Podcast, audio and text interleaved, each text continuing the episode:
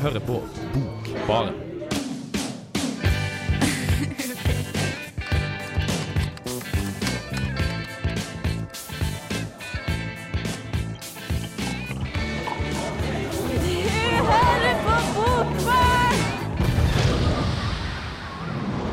Hei og, hei og velkommen til Bokbaren. I snakkende stund ligger sommersola lavt over Gråkallen. De som var på P-Stereo-festivalen har begynt å komme over fyllesyka, og campus på byens forskjellige skoler for en ny ladning med mildt forvirra ferske studenter, som de neste månedene skal utsettes for sin nye tilværelses grimme realitet. Det er høst, det er et nytt semester, og det er en ny sesong av Bokbaren. Bokbaren, unnskyld. Vi skal starte forsiktig. Kveldens sending skal dreie seg rundt det vi har lest i løpet av sommeren. Vi skal innom Jonathan Fransen, Jon Ajvide Lindqvist og Sven Lindqvist, eh, var det hans? Jepp. Det stemmer. Jeg heter Martin Ingebrigtsen. Eh, Med meg har jeg Kristine Bangstad Fredriksen, Eline Bjerkan og Hans Kvernsjøli, som vi hørte et eh, bekreftende svar fra her i sted. Nå skal vi høre Fy med Wall of Fair.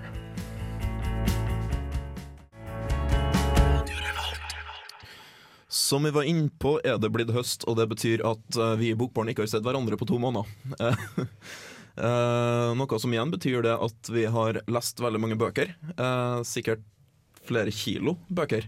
Eh, massevis. Eh, og stiller altså ganske, ganske klar til en, til en ny sesong med, med litteraturprating og sånn. Eh, jeg tenkte vi skulle bare begynne veldig enkelt. Litt sånn, litt som sånn radiotøying og bøying. Det blir som, litt som å riste løs og føle at, føle at alle musklene bare glir ut, og at man er, man, er, man er god og klar til å snakke om litteratur på en høyverdig og fornem måte.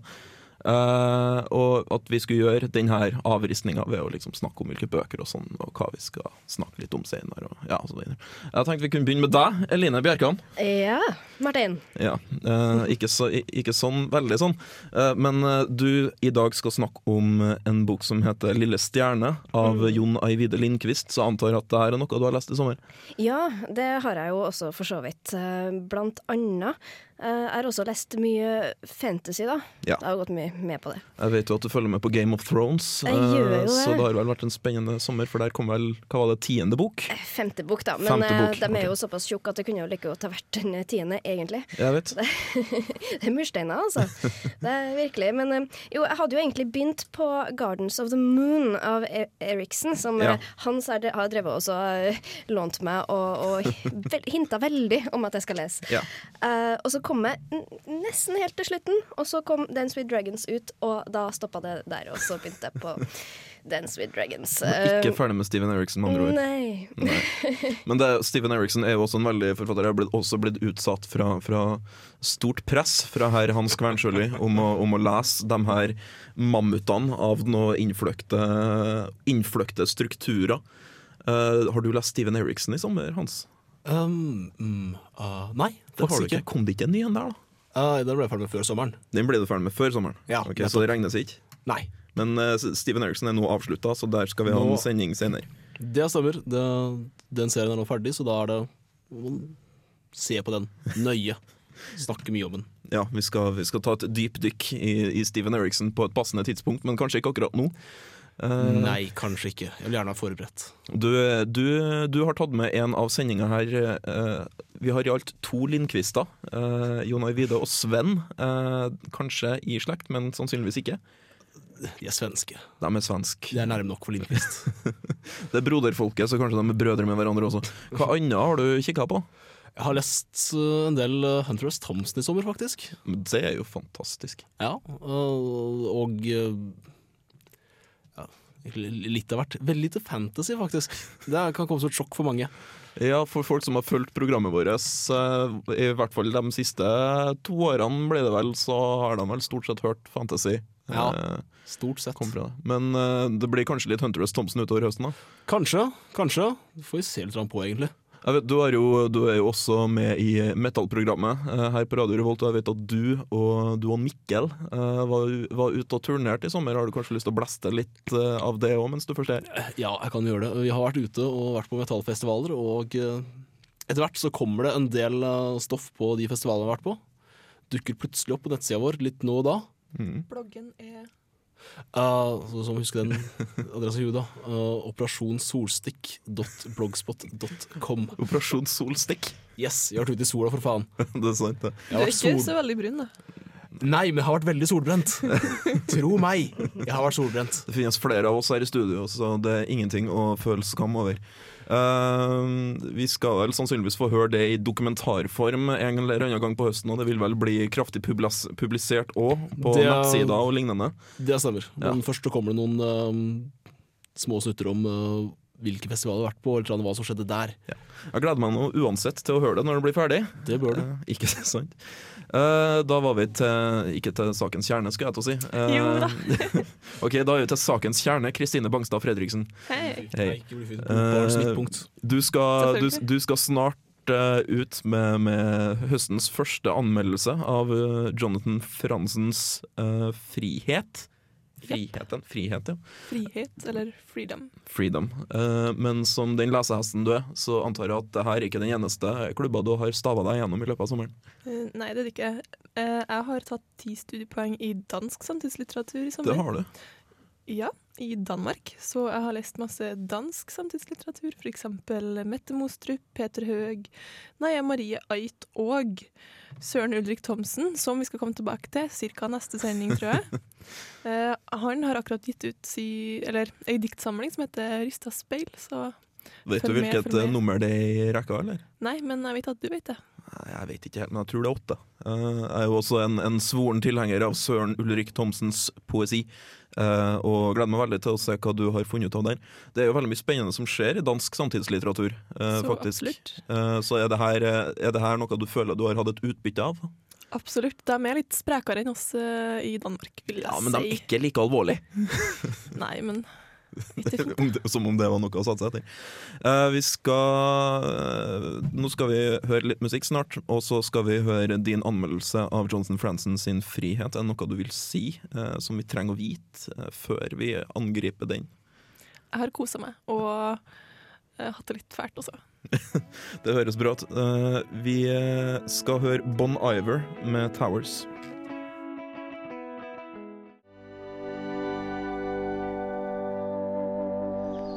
Jonathan Franzéns siste roman 'Frihet', eller 'Freedom' som det blir på originalspråket, har allerede fått mye publisitet. Men litt til skader ikke, og i alle fall ikke når det er frihet det er snakk om.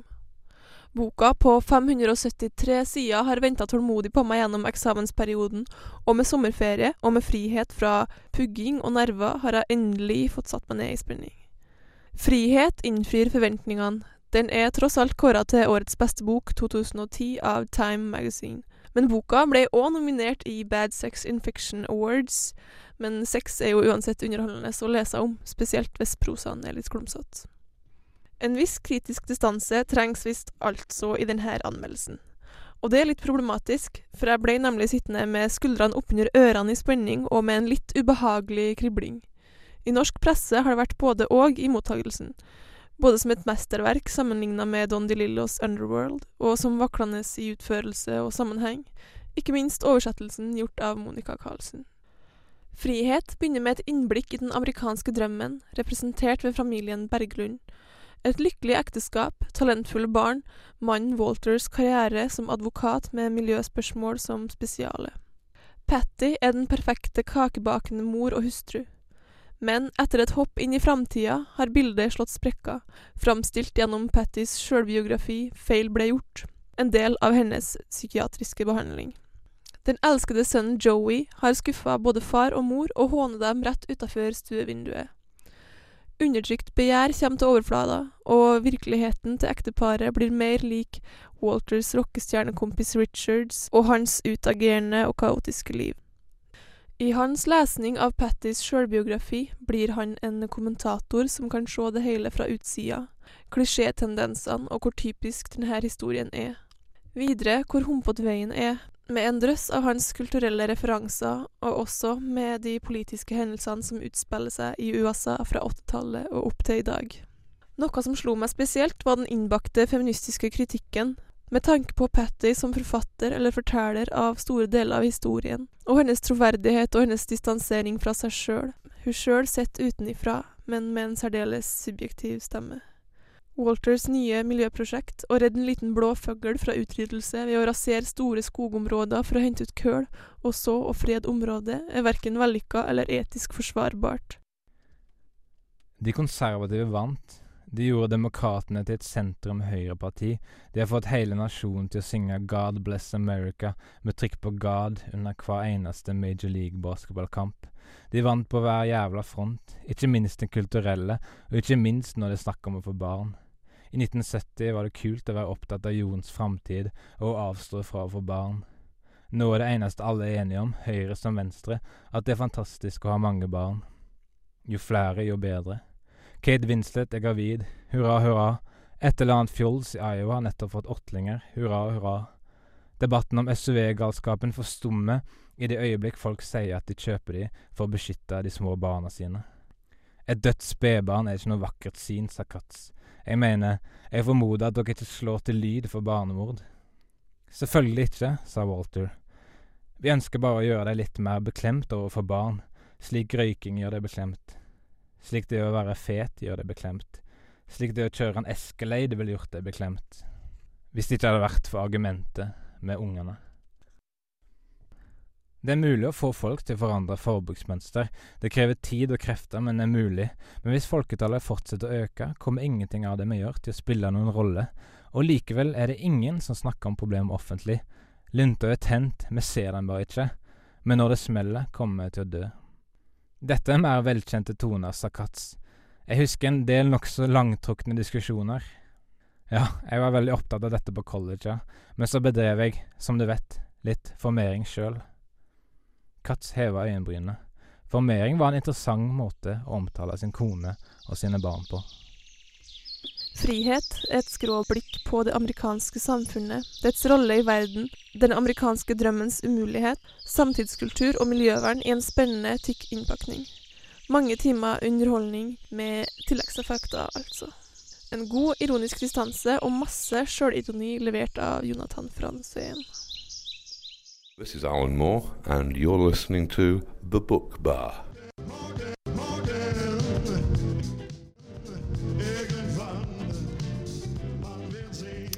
Velkommen tilbake. Det var Mad Villain med Papermill. Uh, veldig veldig fin låt som jeg gikk inn i arkivet og fant til deg, kjære lytter.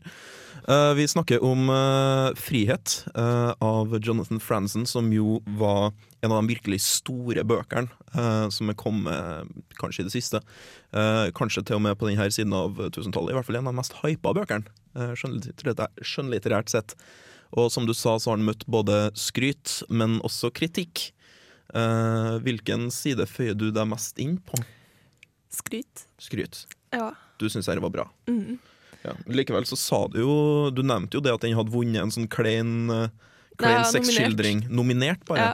Det var Salman Rushdie som vant igjen. Kan det var det samme. Eh, men den var nominert til det kleine sexskildringa. Uh, du sa også klumsete prosa. Har det noe med hverandre Ja, å gjøre? enn- Ja, ikke sant? Fordi at eh, store deler av denne boka her er jo liksom ført i pennen av Patty som hennes sjølbiografi. Okay. Og det her kan jo ikke kalles veldig elegant gjort eller utført, eh, men det er jo så absolutt meninga fra, forfatt fra forfatterens side. ok, Så det er karakteren som beskriver sine egne Ja. sexopplevelser? Altså. Ja. Men eh, hvordan er det med andre perspektiver i boka? Er det er alt sammen skrevet av karakterer? Er det noen forfatter inne i bildet, eller? Nei, det er jo en forteller som er utenforstående, det er okay. det jo. Eh, Men ja, skal vi si ja, Cirka halvparten er da Pattys sjølbiografi, som heter 'Feil ble gjort'. Eh, Den er i flere deler. Den er skrevet til hennes eh, mann etter at eh, ja, Eller mens de holder på å bli skilt i den prosessen, da. Det, er- det, det er altså et, det, det er litt sånn slemt, synes jeg. Jeg driver du på å skille deg fra en fyr, og så skriver du en selvbiografi som inneholder seks eh, skildringer, som jeg antar kanskje ikke bare er med ektemannen. Nei, det er Nei. jo bestekompisen til ektemannen som Oi, er Og hun. Og da hopper vi inn i spranget til utroskapsromanen. Uh, alle uh, litterære verker som kommer fra USA av en sånn viss tyngde, inneholder jo en viss grad med utroskap. Det er i hvert fall en sånn klisjé som sitter i mitt hode. Ja, ja, ja. uh, det, det er ikke nødvendigvis negativt, jeg bare sier at det er der. Veldig sånn i amerikansk litteratur. Ja, men det er det som er poenget. Denne boka her er full av de her klisjeene. Det er han Ektemannen da finner seg jo en ny dame som er veldig ung og lekker, og, og sønnen tjener store penger på litt sånn luguber business, og ja, det er veldig mange sånn stereotypier, og det er jo absolutt et poeng, og det er jo gjort et poeng ut av. Ja, for da er vi inne på noe som jeg synes, eh, i hvert fall som jeg har med meg fra når jeg leste The Corrections, som var gjennombruddsromanen, hans første roman, eh, som kom for fem-seks år siden. vel. I Eh, 2002, tror jeg det var. det høres uh, riktig ut, da. Uh, og du fikk meg til å føle meg veldig gammel samtidig, så takk for det. det, du er jo det, da. Jeg er jo det. Men uh, vi skal Men det, det jeg husker veldig godt fra den, er at den handla veldig om det her altså sentraltemaet i amerikansk samtidslitteratur, nemlig at du har idealene, de nedarva tradisjonelle amerikanske verdiene på den ene sida, så har du en virkelighet på den andre sida, som ligner, men som liksom skjærer fra hverandre på en del avgjørende steder, spesielt på moral. Er det her noe han har tatt videre i frihet? Så absolutt. Skillet mellom på en måte det konservative og det og ja, de gamle, gamle verdiene og den radikale fløyen og eh, håpet om endringer eh, og type miljøspørsmål og sånn kommer veldig tydelig fram. Det er med andre ord en anbefaling eh, fra deg på frihet. Ja. Da går vi videre til Balund med Tree Climber. Hei, det er Pedro Carmona Alvarez. Du hører på Bokbaren på Radio Revolt.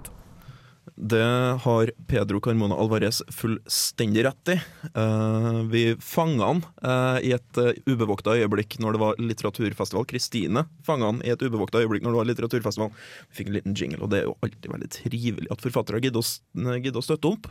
På sånne påfunn, les siste boka hans, hva den jo het, Rust, var det. Så kaller vi det Skuls. Eh, Eline Bjerkan. eh, Jon Aivide Lindqvist, en virkelig eh, sånn skytende stjerne, eller hva noen heter, på den svenske litteraturhimmelen. Jo, han har fått veldig mye skryt, av seg. Det starta for, uh, for kanskje Det starta for en fem-seks år siden med en roman som heter 'La den rette komme inn', som er blitt filmatisert både i Sverige og nå i USA. Ja.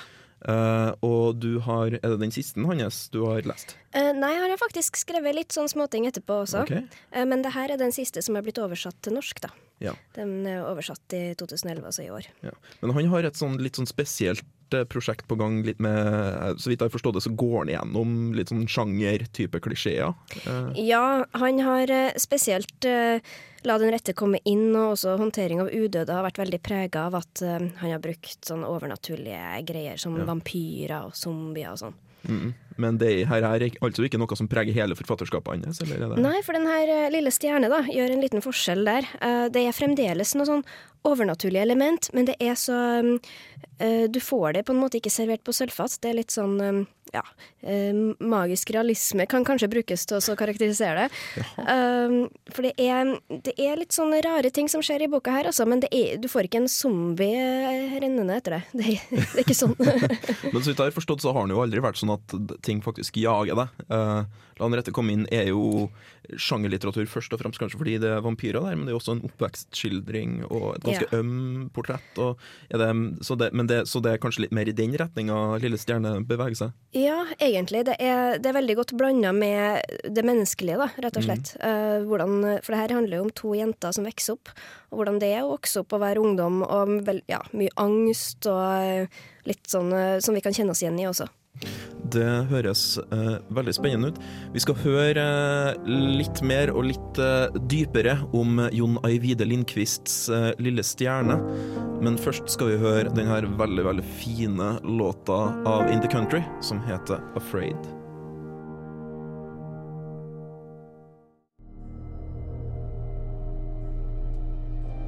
Jon Eivide Lindqvist har med bøker som La den rette komme inn og Håndtering av udøde etablert seg som en forfatter med en forkjærlighet for det overnaturlige og det skrekkpregede. Samtidig har bøkene hans alltid andre kvaliteter ved seg utover ren horror.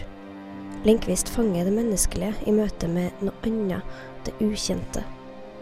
Dermed får bøkene hans en dybde og en troverdighet ved seg som mye litteratur som baserer seg helt og holdent på hvor jævla sexy det er med vampyrer, går glipp av. Lille stjerne har mange av kvalitetene vi finner både hos La den rette komme inn og håndtering av udøde. Men den er også annerledes i det at den kan sies å være mer realistisk. Her finner man ikke råtna zombier eller blodtørstige vampyrer. Heller er det mennesket som står i sentrum. Og Lindqvist viser oss at den menneskelige psyken kan overgå det meste når det kommer til skrekk og grusomhet. Kanskje kan Lille stjerne heller kategoriseres som magisk realisme, for det finnes definitivt spor av det overnaturlige. Eksempel blir hovedpersonen oppdaga som et spedbarn i skogen, nedgravd i en plastpose. Lennart, en avdanka svensk toppartist, finner barnet, og da han får liv i henne, så skriker hun. Ikke et hvilket som helst barnevræl, men en helt rentklingende E. Det viser seg at det her underlige barnet som får navnet Therese, har et gehør og en musikalitet uten like, og som spedbarn ytrer hun bare rene toner, og er ellers helt stum. Jenta vokser opp i kjelleren til Lennart og hans kone. Her blir hun isolert ifra livet utenfor, og det skal vise seg at det er en meget spesiell liten pike fosterforeldrene har tatt til seg.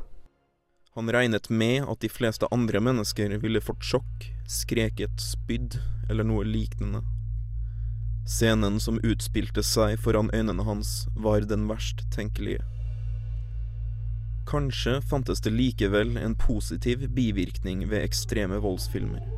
Han hadde sett det meste, også atskillig verre saker enn det hun hadde klart å utrette. Hun spiste i det minste ikke på foreldrene hans. Samtidig vokste opp ei anna jente med et lignende navn, Teresa. Teresa er den andre jenta. Hun er outsideren, den venneløse, den som ikke finner mening i livet, før hun møter Therese. Her knyttes et kjært, men eh, farlig vennskap. Hvordan føles det å drepe noen? Spurte Teresa. Hendene blir trøtt. Men hvordan føles det, liksom? Føles det bra eller dårlig eller uhyggelig eller Hvordan føles det? Teres lente seg nærmere og hvisket. Det føles godt når det kommer ut. Da går det redde bort. Hva er det som kommer ut? Litt røyk. Den smaker godt. Hjertet blir stort. Mener du at man blir modigere? Mer stor. Til tross for grufulle scener og det mørke aspektet ved ungdommens sinn, så finner vi aller innerst en usikkerhet, en redsel for verden utenfor, og ikke minst en undring når det kommer til omverdenen. Det er ikke ondskap som skildres her, men syke. Lindqvist greier å balansere det grusomme med det uskyldige langt inn i denne boka, og byr på spennende, kuriøse scener som kan få en til å smile, grøsse og bli emosjonell på samme tid. Kanskje kastes man også tilbake til sine egne ungdomsår. Det som gjør at Lille stjerne ikke seiler frem som en helstøpt, knallgod litteraturopplevelse, selv om det er på nippet, er at plottet som det hele tida næres opp mot, virker i all sin storslagne grusomhet platt og ja, nesten litt kjedelig i forhold til tonen tidligere i boka. Her mister Lindqvist den verdifulle dybden han tidligere har briljert med. Dimensjonene forsvinner, og karakterene lider også av det her. Det er synd, for størstedelen av boka er virkelig god lesning, og anbefales sterkt. Ja, hallo, ja, du. Trondheims eh, vakre fjell og Nidelv ja, Det er Tore Renberg her. Dette er studentradioen i Trondheim, og du er jævlig heldig som hører på den.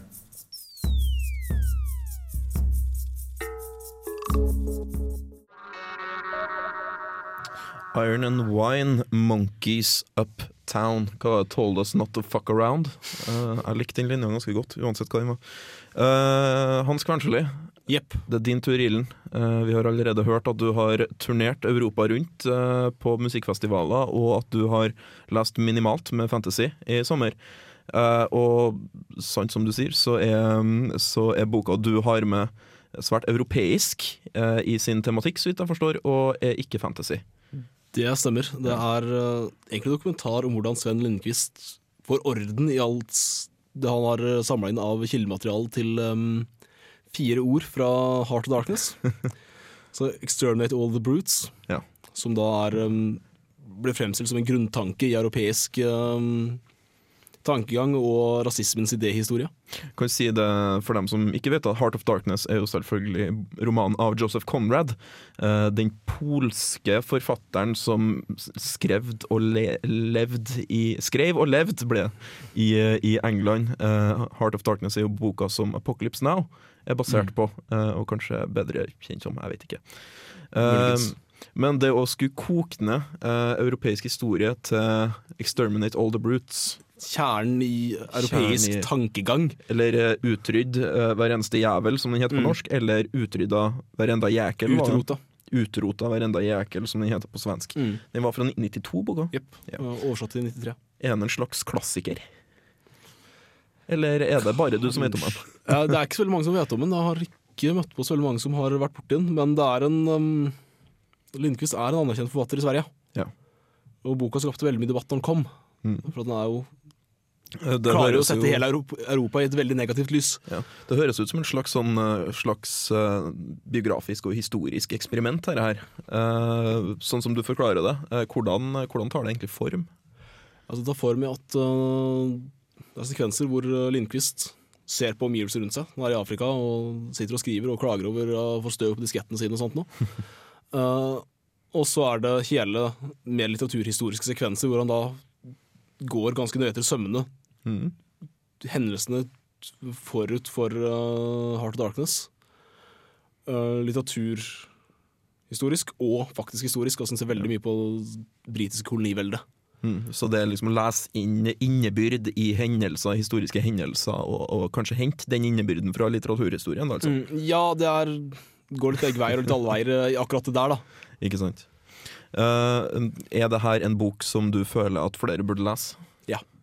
Det er en, uh, synes det er en veldig god bok som klarer å oppsummere europeisk historie veldig godt. Hvorfor? Fordi vi har ikke gjort annet enn å drepe de andre. det er jo et godt poeng. Er det viktig å ha lest eh, Heart of Darkness først? Fordi eh, det er Ja, det er jo absolutt en eh, klassiker og handler jo om reisa inn i Kongo.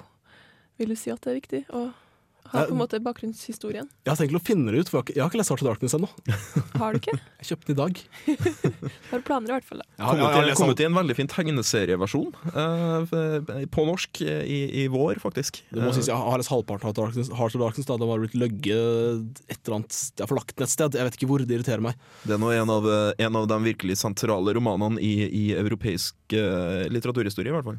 Ja, som tegneserie kan jo umulig være pent å se på. Det er ganske for, Nå skal ikke jeg angripe den med noe anmeldelse nå, men jeg kan eh, si så mye som at den er godt representert grafisk. eh, Den virkeligheten de beveger seg inn i. Eh, Og den er jo blitt visuelt presentert før, altså i hvert fall indirekte gjennom, gjennom Apocalypse Now. Men det gjøres et ganske bra kunstnerisk arbeid på tegneserien også.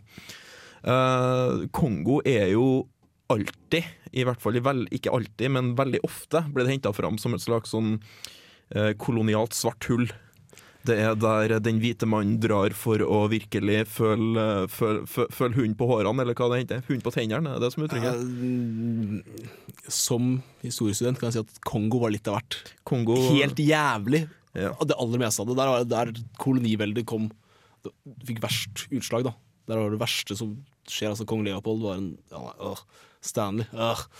De tingene de fant på De klarte å fremtre som guder. Altså sånn hvit mann fremtrer omtrent som guder i det overfor øh, befolkningen.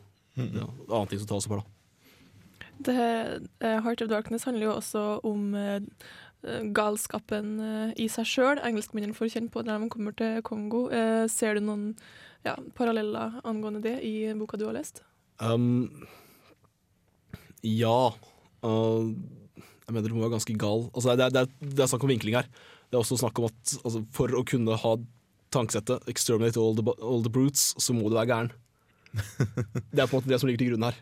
Det er, jo, altså, det- er jo kanskje i Kongo at uh, den, eh, den hvite manns sinnssykdom uh, diagnoseres. Eh, Eh, det jo kan du si. forsøksvis oppsummere med det, i hvert fall. Eller kanskje lukte en kolonihistorie, litteratur, bokbarn spesial på et eller annet tidspunkt. Eh, vi skal høre litt på et eh, utdrag eh, som du har av den, den romanen her. Kjernen i den europeiske tanke? Ja, det finnes en setning. En kort og enkel setning. Bare tre-fire ord. som oppsummerer vår verdensdels, vår menneskehets, hele vår historie fra holocen til holocaust. Den sier ingenting om Europas humanismens, demokratiets og velferdens urhjem på jorden. Den sier ingenting om alt det vi ved rette er stolte over. Den uttaler bare en sannhet vi helst vil glemme. Ordet Europa kommer av et semettisk ord som betyr nettopp mørke. Tanken var underveis lenge før den ved årsskiftet 1898–1999 endelig ble formulert av en polsk forfatter som ofte tenkte på fransk, men skrev på engelsk, Joseph Conrad. Hovedpersonen i Mørkets hjerte, Kurtz, avslutter sin utlegning om de hvite sivilisatoriske oppgaver blant Afrikas ville med en håndskrevet postskriptum, som oppsummerer den høytravende retorikkens egentlige innhold. Exterminate all the brutes. Det latinske, extermino, betyr å drive over grensen. Terminus, landsforvise, fjerne. Derav engelske, exterminate. På svensk er det ingenting som direkte motsvarer dette. Vi må si utrydde, selv om det egentlig er et helt annet ord, som på engelsk heter extirpate, av det latinske stirps, rot, stamme, at. Både på engelsk og svensk ligger allerede i verbet at gjenstanden for handlingen sjelden er et enkelt individ, men gjerne som regel hele grupper, som rotter eller folkeslag. Fortsettelsen, All the Brutes, blir i den gamle svenske oversettelsen Alle udyrene. Og visst kan brute bety udyr, men det betyr fremfor alt dyr, med betoning at det er dyriske hos dyrene. Det er dyr afrikanere blir kalt, helt siden de aller første kontaktene. Da europeerne beskrev dem som rude and bestile, like to brute beasts, og more brutish than the beasts they hunt. Den nye oversettelsen bemerker seg at brute også er et skjellsord og sier hele pakke. Dette er en formildende omskriving. Jeg vil beholde den opprinnelige setningens brutale kraft og oversetter utrydd hver eneste jævel.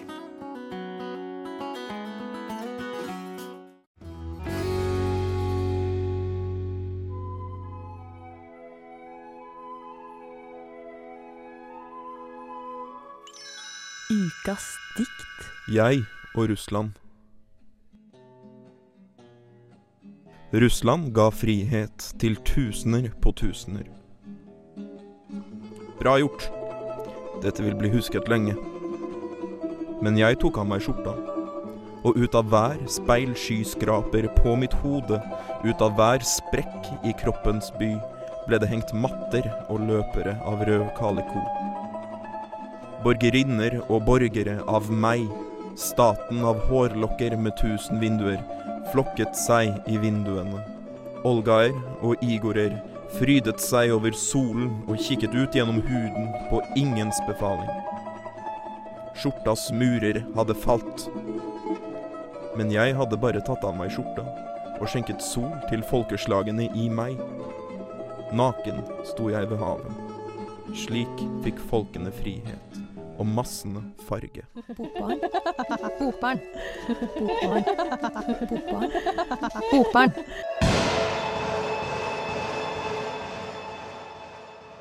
Vi var, vi var nødt eh, til å ha med ukas uh, dikt i dag. Uh, på vårparten nå så kom det ut tre uh, diktsamlinger omtrent samtidig på, på Aschehoug eh, på gjendiktningsserien deres. Det var Velimir Klebnikov vi hørte her med diktet 'Jeg og Russland'. Samlinga 'Tidens ingenkonge' Den er oversatt av Mikael Nydal og Gunnar Wærnes. Gunnar Wærnes er jo en mann som har fått eh, veldig mye tid og plass i Bokbaren før, fordi han gjør vanvittig veldig mye interessante ting. Ikke bare som eh, oversetter, men også som dikter og som forlegger. Uh, og vi kommer sikkert til å snakke mer om Gunnar Wærnes også i fremtida. Uh, diktet her var altså Velimir Klebnikov. Uh, sjekk ut samlinga. Vi begynner veldig fort å nærme oss slutten på, på høstens siste bokbarperiode. Uh, I løpet av sommeren så vet jeg jo f.eks. at det har åpna en, en pub i byen som heter Bokbaren, så vi får håpe at, uh, håpe at det her hjelper. Uh, men kanskje hvis vi De har sikkert flere, flere gjester enn det vi har lyttere, så vi kan jo alltids håpe at det smitter av. Jeg vet ikke. Gratis reklame er det jo. Ja, ikke sant. Det er sånn jeg Men å se det på var det. vi som var her først. Det var vi som var her først, eh, og det, kan det, kan, det, det er jeg villig til å sverge på en haug med bibler på. Uh, litt sånn fremover. Uh, kort, hva kan vi forvente oss av dem neste? Vi har kanskje allerede tisa en kolonisending, jeg vet ikke. Ja, den, den ble jo på en måte Den kom jo opp nå. Ja. Så Kanskje- det var en helt ny idé. Kanskje det viktigste er det at Bokbaren skal ta opp et nytt medlem i løpet av våren. Uh, så hvis du hører på nå og kunne ha tenkt deg å I løpet med av høsten, ja. i løpet av høsten, Ja. og kunne ha tenkt deg å vært med og lage radio sammen med oss, så er det bare å klikke seg inn på samfunnet.no og finne stillingsutlysninga og søk på den. Uh, Vi er veldig hyggelige og pene. Uh, noen av oss veldig hyggelige, og noen av oss veldig pene. Eh, jeg- beklager. Eh, jeg heter eh, Martin Ingebrigtsen. Jeg har vært i studio sammen med Kristine Bangstad Fredriksen, Hans Kvernsjøli og Eline Bjerkan. Tekniker har blitt eminent eh, Teknikk har blitt eminent styrt av Harald Schjong. Eh, så tusen takk til deg, Harald. Eh, vi skal avslutte med å minne deg på at internett eksisterer. Vi er på internett. Vi er på våre egne sider på en sånn stream on demand-ting som er veldig veldig fancy. Sjekk ut den. Eh, og her har du JS med Heads Roll.